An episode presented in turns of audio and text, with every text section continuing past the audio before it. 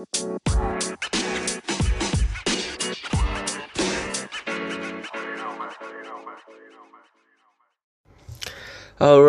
welcome back to Podcast Podcast Sampah.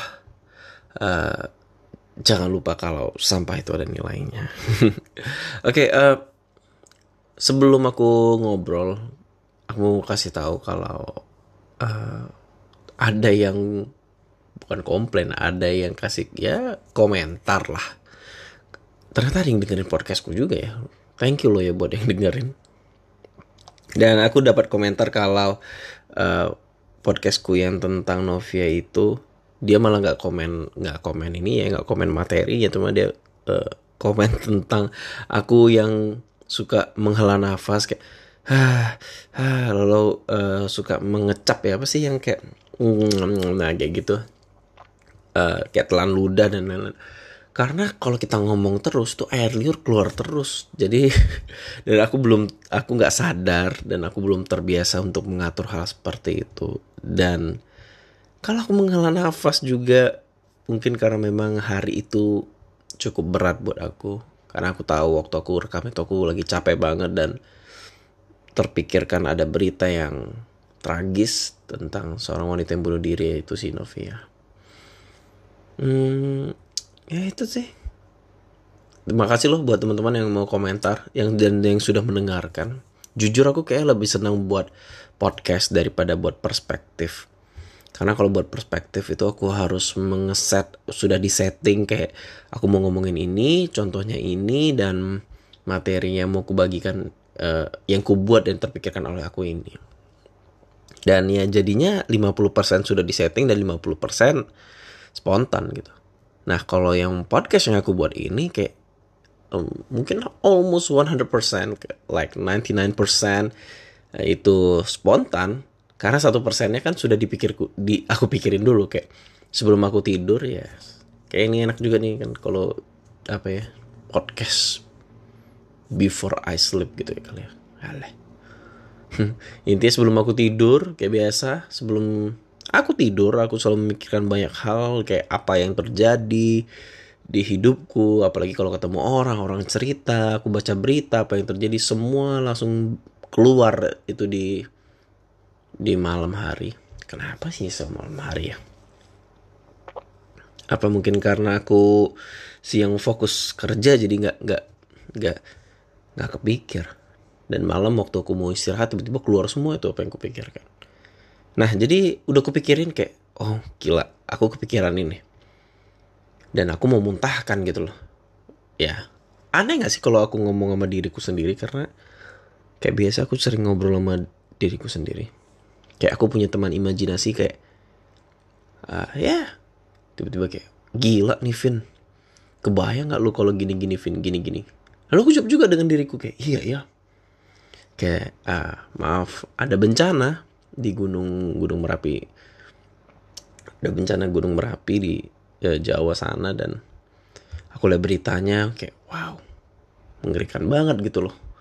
Banyak yang meninggal dan hewan-hewan manusia semuanya hancur jembatan hancur.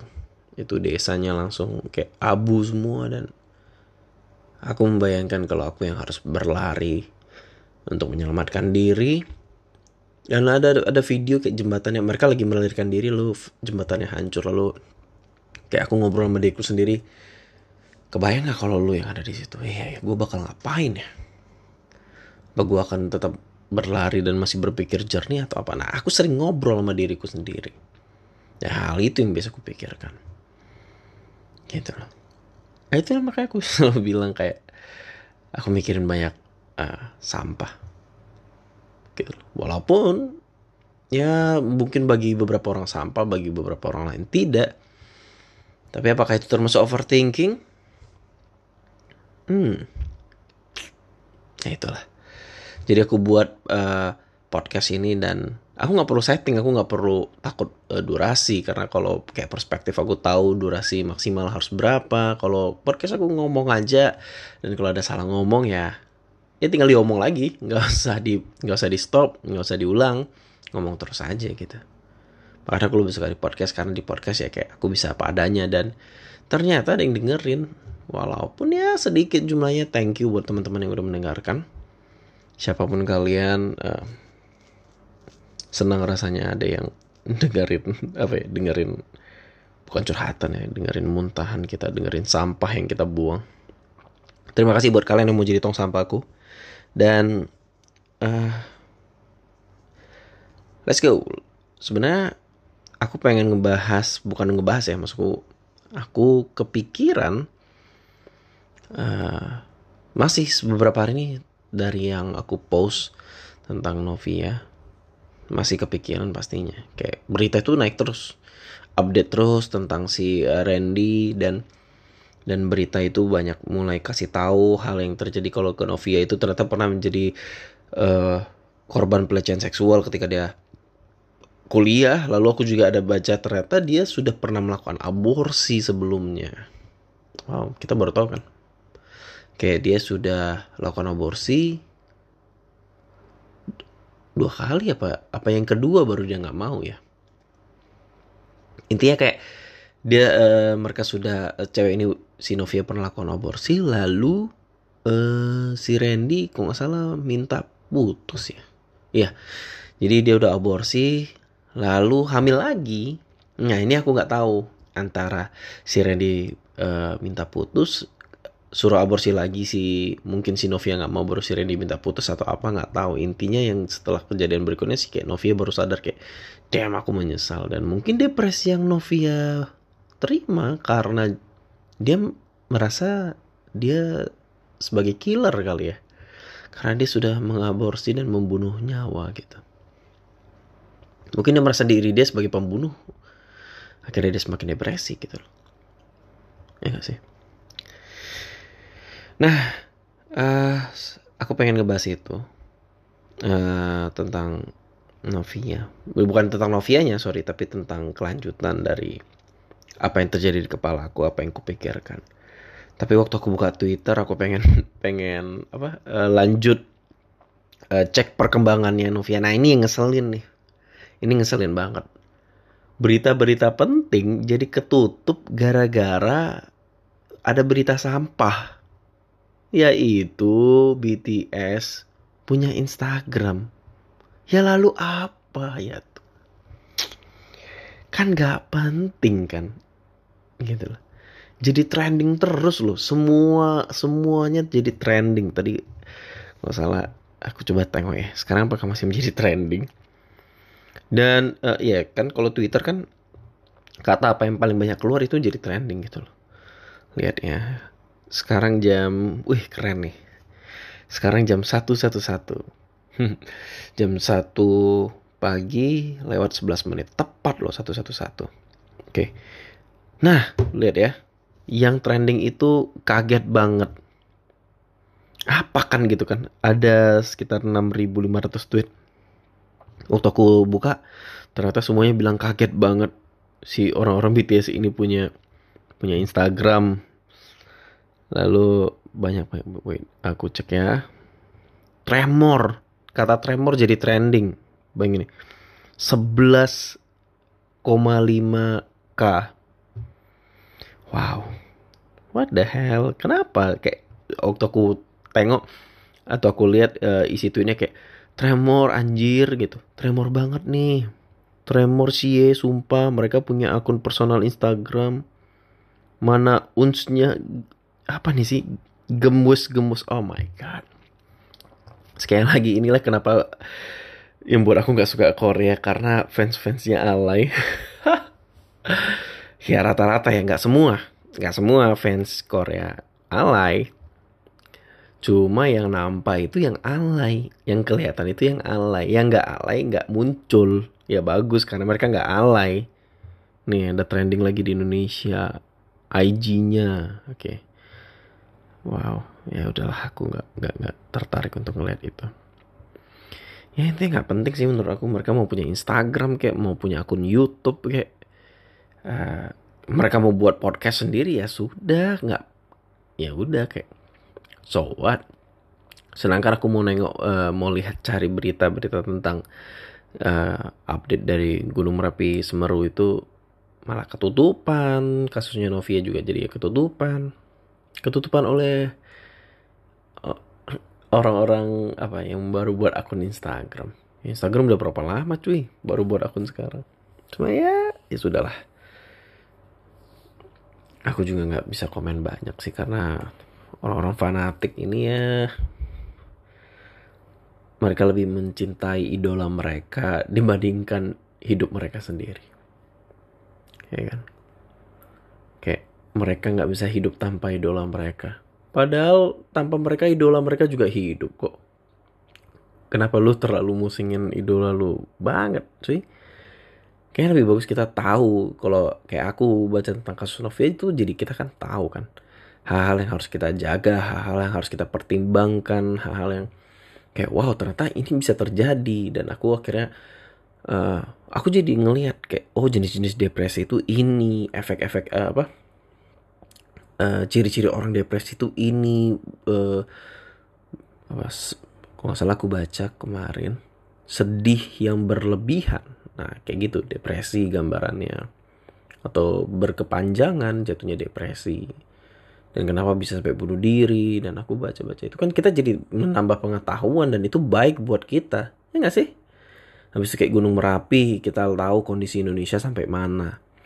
Kayak uh, saudara-saudara kita tuh di sana apa yang terjadi gitu loh. Mereka bantuannya bagaimana dan kalau kita misalnya punya uh, uang lebih dan misalnya ingin membantu dalam mendonasikan why not gitu loh. Jadi kita bisa saling membantu sesama sesama manusia gitu humanity. Iya akun BTS akun Instagram BTS ya ampun. Apa gitu loh. Ap, apa faedahnya? Sampai tremor lagi. Itu kalau kalian tremor karena mereka punya akun Instagram Gimana dengan mereka yang berlarian menyelamatkan nyawa dari abu panas Gunung Merapi? Bukan tremor lagi, cuy. Itu baru tremor beneran kalau kalian ada di situ. Tapi itu lebih dari tremor, bukan tremor lagi, Pak. Sudah kaku gitu loh kalau sampai kena asap panas itu. Jadi ya sudahlah. Lanjut. Karena bukan itu yang mau dibahas malah kepanjangan nanti bahas itu. Yang kupikirkan adalah tentang uh, apakah kita seberharga itu, menurutku ya. Kayak uh, kenapa Novia sampai memilih untuk membunuh dirinya? Sekali lagi ya karena kita tidak ada di kita tidak berdiri di posisi yang sama, kita nggak akan pernah paham apa yang dipikirkan Novia. Dan uh, maksudku ini kan baru hal-hal yang kita tahu gitu loh maksudku. Yang sekarang ini baru ini nih yang kebuka. Kayak kemarin kan aku nggak tahu waktu ternyata dia pernah aborsi setelah aku baca setelah aku nonton beberapa uh, video tentang dia aku baru tahu oh ternyata Novia Novia pernah pernah aborsi sebelumnya. Kita nggak pernah tahu. Dan ya masih banyak hal lagi yang kan yang ketutup. Karena Novia sendiri sudah meninggal. Dan apa yang uh, Randy katakan atau apa yang menjadi kesaksian Randy kan belum tentu benar juga gitu. Ya ibunya Novia juga belum tentu tahu semuanya kan. Ya jadi agak susah gitu loh kalau kita mau mau berpikir uh, apa saja yang dialami Novia. Cuma yang terbesit di kepala gue kayak kenapa ya? Kenapa sampai harus bunuh diri? Dan kayak bunuh diri itu kayak terbesit di hampir semua manusia. Setidaknya mungkin mayoritas kita pernah berpikir untuk bunuh diri ya gak sih? Termasuk aku. Aku juga punya kasus besar aku pernah di penjara walaupun cuma sebentar tapi rasanya seperti seumur hidup. Uh, keluarga berantakan. Uh, keuangan hancur ya kayak dari yang punya segalanya jadi nggak punya segalanya. Aku ngalamin itu. Nah ya intinya lika-liku kehidupan sudah sudah aku lalui dan aku tahu di di depan nanti akan semakin banyak masalah. Nah apakah aku pernah terpikir untuk bunuh diri? Pernah. Tapi apakah aku melakukannya? Jelas tidak karena kalau aku melakukannya aku nggak aku nggak bisa lakukan podcast ini tapi apa yang membuat aku berpikir untuk ingin melakukannya? Nah itu tuh. Aku mikirin itu. Kenapa waktu itu aku mikirin untuk pengen bunuh diri? Karena aku merasa aku sudah gagal waktu itu ya. Kayak aku mikir mau ngapain lagi aku hidup? Kayak nama aku sudah hancur. Kayak bayangin seorang aktivis di gereja di penjara di penjara lalu semua orang taunya kalau aku uh, melakukan apa bukan kriminal ya Apakah itu termasuk kriminal? Mungkinlah kriminal. Oke, kasusnya adalah di label sebagai kasus pencabulan anak di bawah umur. Padahal, uh, bukan padahal ya, kami, aku tanda petik pacaran gitu dengan anak yang di bawah umur ini. Ya ternyata aku juga nggak tahu ada hukum yang banyak melindungi anak di bawah umur. Nah intinya gitulah yang nggak terima itu orang tuanya. Bla bla bla bla. Kalau kalian mau tahu kisahnya, kalian bisa langsung tanya aku. Tapi Poinnya waktu itu adalah titik balik paling hancur yang pernah aku rasakan. Pernahkah aku berpikir untuk bunuh diri? Iya, sangat. Ketika aku keluar dari penjara, untuk keluar dari penjara, aku harus membuat keluargaku yang sudah bangkrut semakin bangkrut. Kayak kami harus bayar 300 juta ke... Ya, aku sebel aja langkahnya lah ya. 300 juta ke orang yang melapor kami. Dan uh, baru bisa dapat bebas gitu kayak damai setelah bayar 300 juta padahal kami kan udah bangkrut nggak ada uang habis itu akhirnya kami pinjam dengan saudara dan aku dikeluarkan setelah aku dikeluarkan jadi kayak kami sudah punya utang dari hal lain gara-gara kasus aku utangnya makin besar dan berlimpah-limpah. Bukan berkat Tuhan berlimpah-limpah tapi utangnya berlimpah-limpah. Habis aku balik ke Batam dan di Batam nah ini yang terpikir. Kayak I feel like fail so much like gila gue gagal men. Kayak ngapain lagi gue hidup? Gue udah ngancurin keluarga gue gue udah ngancurin nama gue orang tahu jeleknya doang dan semua orang mencibir. Walaupun masih ada nggak teman-teman yang mendukung? Ada. Ada. Kayak Vio Alan dan teman-teman lain. Kayak Bang Robi. Bang Robi itu uh, di Batam waktu aku ke Batam dia yang hibur aku dia yang temanin aku. Uh, dan kacaunya aku merasa tetap gagal. Merasa tetap gagal dan ingin bunuh diri sehingga cerita nggak jadilah aku melakukan pembunuhan diri itu. Cuma terbesit di kepalaku terbesit. Aku nggak nggak kayak anak-anak yang lakukan cutting di tangan nggak. Biasa kan ada kan anak-anak yang gitu ya. Kayak dia menyiksa dirinya sendiri dengan mengkater tangan-tangan mereka lalu mereka merasa puas dengan itu. Apa tahu mereka ingin mati dengan cara seperti itu? Aduh. Sakit cuy kalau mati kayak gitu. Cari coba cari ini kali ya. Cara yang tidak sakit lah tapi jangan dilakukan jangan dilakukan kalau aku berpikir untuk mau bunuh diri waktu itu aku berpikir gimana biar bunuh diri nggak sakit ya karena aku juga nggak mau sakit gitu Kayak kalau gantung diri kan harus sesak nafas dulu kan, tersiksa dulu beberapa menit. Kalau langsung apa tusuk pisau juga sakit kan gitu. Jadi nggak aku lakukan. Nah intinya kenapa aku berpikir terpikir untuk bunuh diri karena aku merasa gagal, aku merasa hidup aku hancur. Lalu apa yang merubah hidupku? Singkat cerita, uh, dan aku baru sadar malam ini tepatnya karena aku mikirin hal ini jadi kayak aku jadi sadar kalau aku gak merasa aku berharga di mata orang-orang nah ini yang penting nih aku gak merasa aku penting aku gak merasa aku berharga aku merasa aku sampah di mata orang-orang. Lalu ya sudah. Gak apa-apa aku terima itu. Aku terima itu. Dan aku tidak expect aku tidak berharap untuk orang melihat aku baik. Aku tidak berharap orang-orang menilai aku baik. Gitu. Karena kalau aku berharap aku menilai orang-orang itu baik berarti aku hidup hanya berdasarkan dari uh, uh, yang mereka lihat gitu loh Enggak sih kayak aku pengen semua orang tahu kalau Ivin Wirawan itu baik. Lalu aku melakukan kesalahan, aku sembunyiin terus. Aku pura-pura baik gitu loh. Setidaknya kalau orang-orang tahu aku brengsek ya udah aku gak usah pura-pura baik lagi kan gitu enak kan hidupnya apa adanya. Asal tidak merugikan orang lain kan gitu.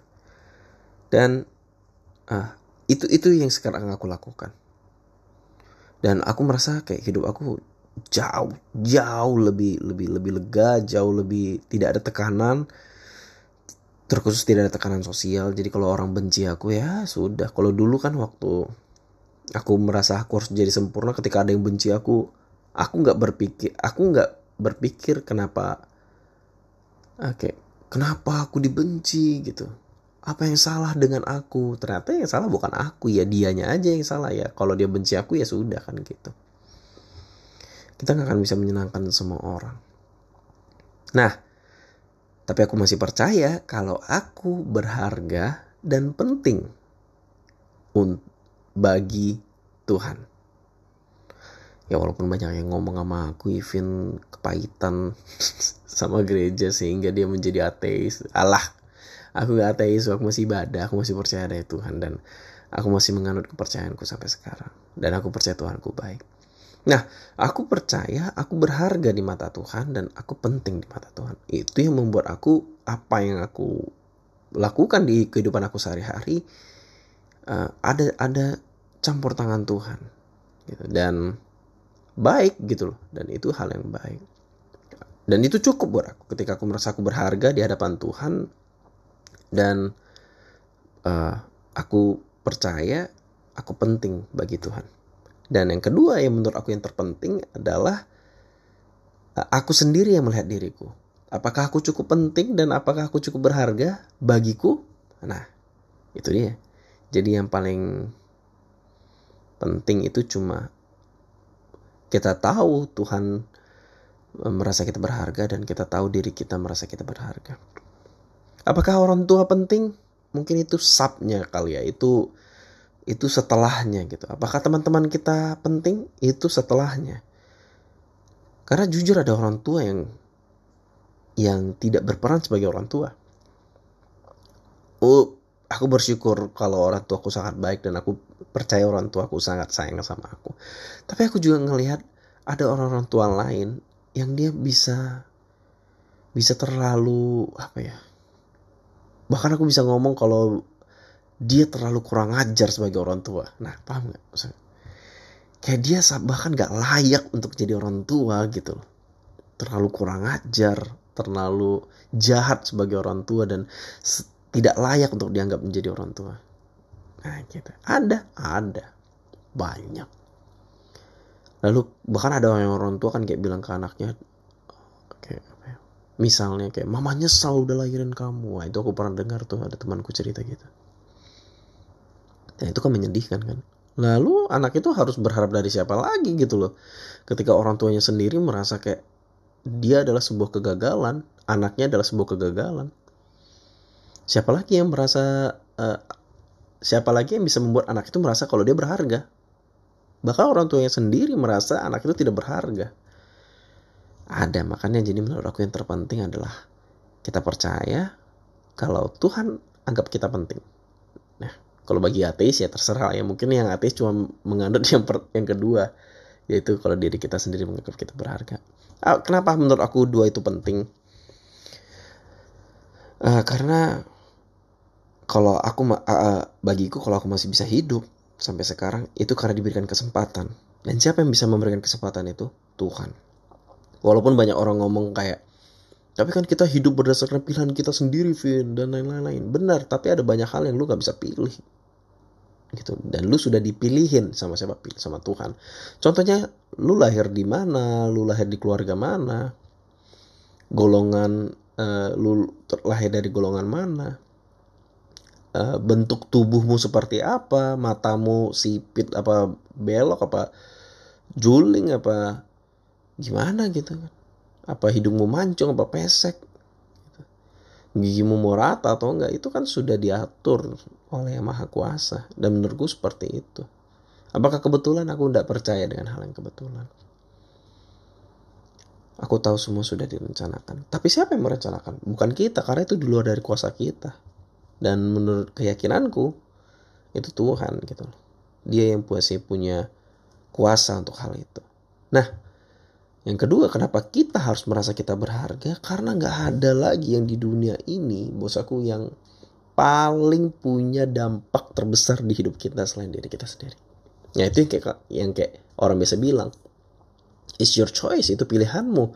Pilihanmu yang membuat kamu menjadi seperti ini sekarang. Pilihanmu yang membuat kamu ada di tempat ini sekarang. Dan pilihanmu yang membuat kamu menjadi pribadi kamu yang seperti ini. Karakter kamu, sifat kamu. Ad, memang didukung, didukung dari dari dari dari latar belakang. Tapi it's a choice. Ada seorang anak, uh, misalnya dua anak, punya ayah yang sama, punya ibu yang sama, dididik dengan cara yang sama, di uh, diajari hal yang sama, tapi punya output yang beda. Mereka punya input yang sama, tapi mereka punya output yang berbeda. Kayak aku sama Ivan deh, gitu loh. Dan kokoku ya, si Ivan kokoku. Aku dan kokoku adalah dua pribadi yang sangat berbeda dan aku sadar hal itu jauh kami sangat jauh berbeda tapi bukan masuk kami sorry bukan maksudku kami tidak cocok bukan maksudku kami bertengkar terus cuma ya dari cara kami mengambil keputusan dari cara kami berpikir dari cara kami uh, apa ya ya kayak Ivan tuh yang baik aku sih jahat. Ivan tuh yang anak uh, kalau di sekolah ada pintar. Di sekolah aku aduh pintar nyontek aku adanya. Serius kayak dulu mama mama atau papa tuh sering bandingin aku sama Ivan. Karena Ivan menjadi anak kesayangan karena dia pintar dia nurut sama papa mama papa mama suruh apa dia oke dia nggak pernah ngelawan. Sedangkan aku aku anak yang bandel manja kritis jadi aku suka ngelawan gambarannya itu aku kayak pemberontak rebel is my life nah bayangin kami punya papa mama yang sama kami dididik dengan cara yang sama, kami dibesarkan bersama-sama, tapi outputnya beda. Kenapa bisa outputnya beda? Karena Ivan memilih untuk jadi anak baik, sedangkan aku memilih jadi anak rebel. That's my choice. Dan aku harus akui memang itu kan keputusanku gitu loh. Kurang lebih kayak gitu sih. Jadi kalau kalian berpikir untuk uh, bunuh diri just don't man don't. Lu berharga percayalah. Dan jangan berharap orang lain berpikir kamu berharga walaupun ya jujur banyak orang sok-sok baik najis sih memang. Apalagi khususnya karena karena aku uh, aktif di gereja. Orang-orang gereja itu kan selalu kan ngomong kayak kamu berharga kamu dikasihi gitu loh. Kami sayang kamu kami bagi bagi kami kamu penting bullshit. Jangan termakan omongan itu.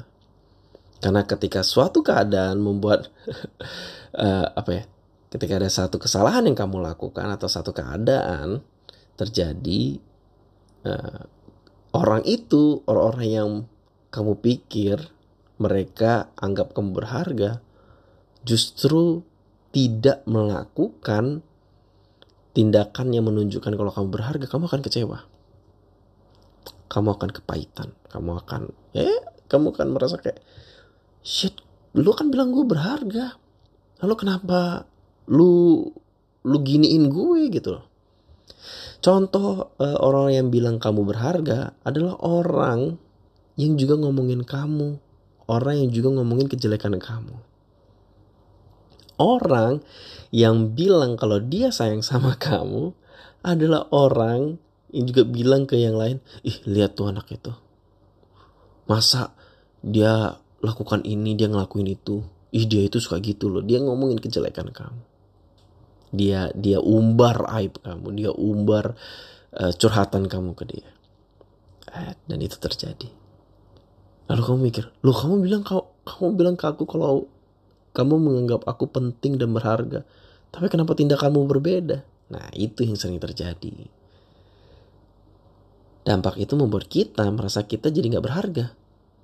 Ya kan? Lalu kayak kita mencari keberhargaan itu? Di mana aku harus mencari keberhargaan itu? Tidak, aku sudah tidak ada nilainya. Aku mau mati saja. Aku merasa tidak penting. Nah itu. Kalau itu ya aku yang aku alami ya. Uh, aku nggak tahu kalau apa yang orang lain alami atau apa yang kalian alami, tapi itu yang aku alami. Sehingga aku terus semakin dewasa, aku berpikir kalau apa yang orang lain pikirkan sudah tidak lagi penting sama sekali termasuk orang tuaku. Tapi bukan berarti aku tidak menghormati mereka. Aku sangat menghormati orang tuaku. Tapi apa yang orang tuaku pikirkan tentang aku ya jujur bagiku kayak ya sudah fakta lah. Itu karena mereka juga tahu aku rebel gitu kan. Aku ini anak paling bandel even. Jadi ya sudah nggak apa-apa gitu. Ya gak sih? Kayak hmm, yang penting uh, kalau kamu masih percaya Tuhan dan apa pun agama kamu, kalau kamu percaya Tuhan, percayalah kamu ada sampai sekarang. Bayangin ada orang-orang yang gagal melewati pandemi COVID dan harus berpulang ke sorga dan kita berharap semua ke sorga yang meninggal karena COVID, tapi kita yang kena COVID kita masih bisa bertahan dan survive sampai sekarang. Kayak ini kayak hukum alam ya, kayak seleksi alam gitu. Dan kamu terpilih untuk masih bisa melanjutkan pertandingan ini, pertandingan di kehidupan ini. Gitu loh. Ada yang gagal dan ada yang lanjut dan kita bagian adalah orang-orang yang masih masih bisa bertahan untuk melewati pandemi. Bukankah itu kebaikan Tuhan? Karena kamu juga berharga. Lalu apakah yang meninggal tidak berharga? Ya nggak juga. Aku merasa mereka berharga, cuma mungkin Tuhan lebih pengen ketemu mereka duluan dibandingkan kita. Ya kurang lebih gitu lah. Nah itu kan apa ya? uh, cara berpikir yang berbeda lagi. Intinya kalau lu masih masih ada sampai sekarang dan hidup lu masih bisa makan, masih bisa tidur, lu masih punya apa tempat untuk tinggal dan lain-lain. Karena di mata Tuhan lu masih berharga. Nah, yang kedua, lu yang harus ngeliat diri lu berharga. Bukan yang lain. Tidak siapa pun, tidak siapa pun kalau bisa yang lain anggap lu sampah ya nggak apa-apa yang penting lu anggap diri lu berharga gitu asik ya itu sih ya, jujur ya aku aku uh, mungkin orang banyak mengira aku kepahitan banyak orang mengira aku kepahitan dengan gereja. Tapi tuh biasanya enggak sih. Aku biasa aja jujur. Uh, aku nggak kecewa dengan gereja. Ya gereja punya punya kepentingan sendiri dan itu haknya mereka untuk apa yang ingin mereka lakukan. Tapi sekarang aku lebih vokal dan aku lebih banyak apa ya hmm, menyinggung. Oh, bukan menyinggung ya banyak main di ranah sana. Karena aku uh, salah satu aktivis di gereja sehingga aku hmm, merasa kalau aku punya hak. Apakah aku punya hak? Ya setidaknya aku punya hak untuk bersuara kan? Dengan pandanganku sendiri ketika aku mengalami sesuatu aku punya hak untuk berkomentar atau memberi pandanganku gitu loh yang terjadi. Dan biasanya itu banyak nyinggung orang sih. Banyak nyinggung gereja lebih tepatnya. Banyak nyinggung orang-orang gereja dan kalau mereka tersinggung ya berarti mungkin apa yang ku bilang benar kan gitu. Ya gak sih nah dan aku suka banyak bercanda hal-hal yang uh, menurutku lucu tapi ternyata menurut orang lain tidak. Sehingga itu menyinggung dan orang merasa kayak ini orang brengsek. Ay, itu lucu. Banyak orang-orang tersinggung buat orang lain. Kenapa? Padahal aku nggak nyinggung mereka tapi mereka tersinggung buat orang lain. Yang orang lain kusinggung pun biasa aja. Tapi yang nggak yang nggak kusinggung malah tersinggung. Lucu ya? Nah dan e, kalau orang-orang merasa aku brengsek ya nggak apa-apa. Justru ya bagusnya adalah aku nggak perlu pura-pura baik lagi di depan semua orang. Ya nggak apa-apa kalau lu merasa gue brengsek. Aku gak, gak usah ya itu nggak usah pura-pura baik lagi kan. Aku apa adanya aja aku akan tetap terus uh, pause atau ngomong apa yang terpikirkan di kepala aku itu aja sih. Wow. Podcastnya lumayan lama ya. Ya itu aja sih ya. Sampai ketemu di podcast yang lain. Aku nggak tahu ya tiap kali mau nutup podcast tuh kayak aku harus ngomong apa ya untuk menutupi ini? Cuma buat teman-teman yang kalian sedang mengalami depresi dan kalau itu kalian keep fighting man. Keep fighting. Ingat uh, cukup dua dua dua tokoh yang menganggap kalian paling berharga yaitu sang pencipta Tuhan dan diri kita sendiri. Oke, okay, sampai jumpa di podcast lainnya. See you again. Selamat beristirahat. Atau kalau kalian dengar ini pas kalian kerja, selamat bekerja dan uh, selamat capek-capek. Siau.